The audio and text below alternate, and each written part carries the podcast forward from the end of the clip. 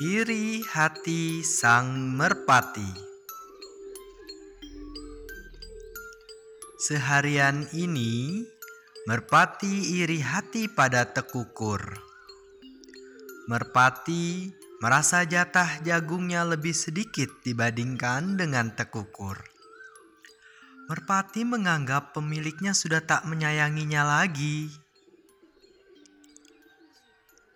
Pemilikku lebih sayang tekukur. Batin merpati sambil memperhatikan sang pemilik yang lebih banyak memberikan jagung di tempat makan tekukur. Merpati pun sedih.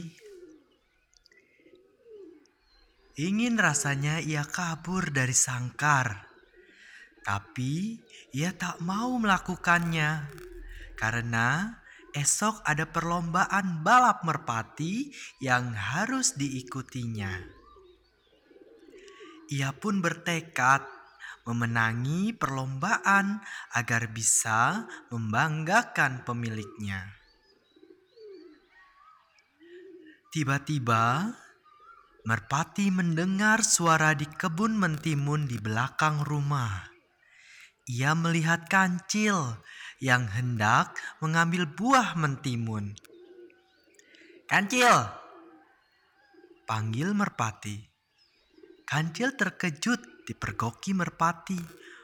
"Mm, maaf, aku lapar.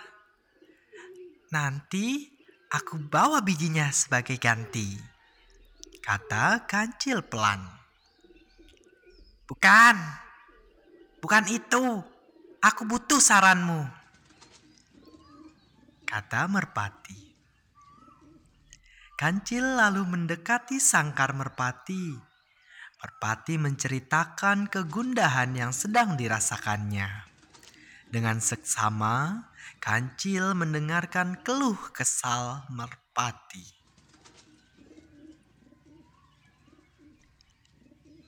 Selesai merpati bercerita, Kancil memberi saran. Jangan begitu merpati. Mungkin pemilikmu tak mau kamu terlalu gemuk. Memangnya kenapa kalau aku jadi gemuk nanti? Nanti terbangmu lambat. Merpati menggeleng. Itu tak mungkin. Aku malah bisa terbang lebih cepat. Kata merpati dengan sombongnya. Kancil hanya tersenyum, lalu beranjak pergi. Namun, merpati mencegahnya. Kancil, kamu hendak ke mana? Kembali ke hutan. Aku kan sudah memberi saran seperti maumu. Bukan itu saran yang ku mau. Lalu apa keinginanmu? Aku mau makan lebih banyak jagung seperti tekukur. Kancil berpikir sejenak, lalu berkata, "Kamu makan sana di sangkarnya Tekukur. Caranya, kamu bujuk Tekukur supaya ia mau bertukar sangkar saat makan jagung." Merpati mengangguk. Kancil pun pamit pergi. Setelah Kancil pergi, Merpati membujuk Tekukur untuk bertukar tempat saat makan. Awalnya, Tekukur tak bersedia, tapi karena merpati terus memaksanya, maka Tekukur pun terpaksa menuruti. Esok harinya, setelah sang pemilik pergi seusai memberi makan jagung, merpati dan Tekukur bertukar sangkar. Di sangkar Tekukur, merpati lahap memakan jagung yang berjumlah banyak. Merpati menjadi kekenyangan dengan susah payah, merpati kembali ke sangkarnya. Tak lama kemudian, sang pemilik mengeluarkan merpati yang masih kekenyangan dari sangkar, lalu membawanya ke perlombaan balap merpati. Sayang, di perlombaan, merpati yang masih kekenyangan tak bisa terbang cepat sehingga kalah. Sang pemilik kembali ke rumah dengan wajah sedih. Merpati dikembalikan ke sangkarnya.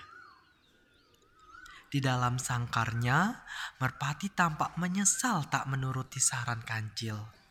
Ia menceritakan kekalahannya pada Tekukur. Merpati, kamu seharusnya tak perlu iri hati. Pemilik kita sengaja memberimu sedikit jagung agar kamu bisa terbang cepat dan menang. Celetuk Tekukur dari dalam sangkarnya. Merpati malu dan sedih mendengarnya. Ia pun menyesali sesuatu yang sudah tak ada gunanya.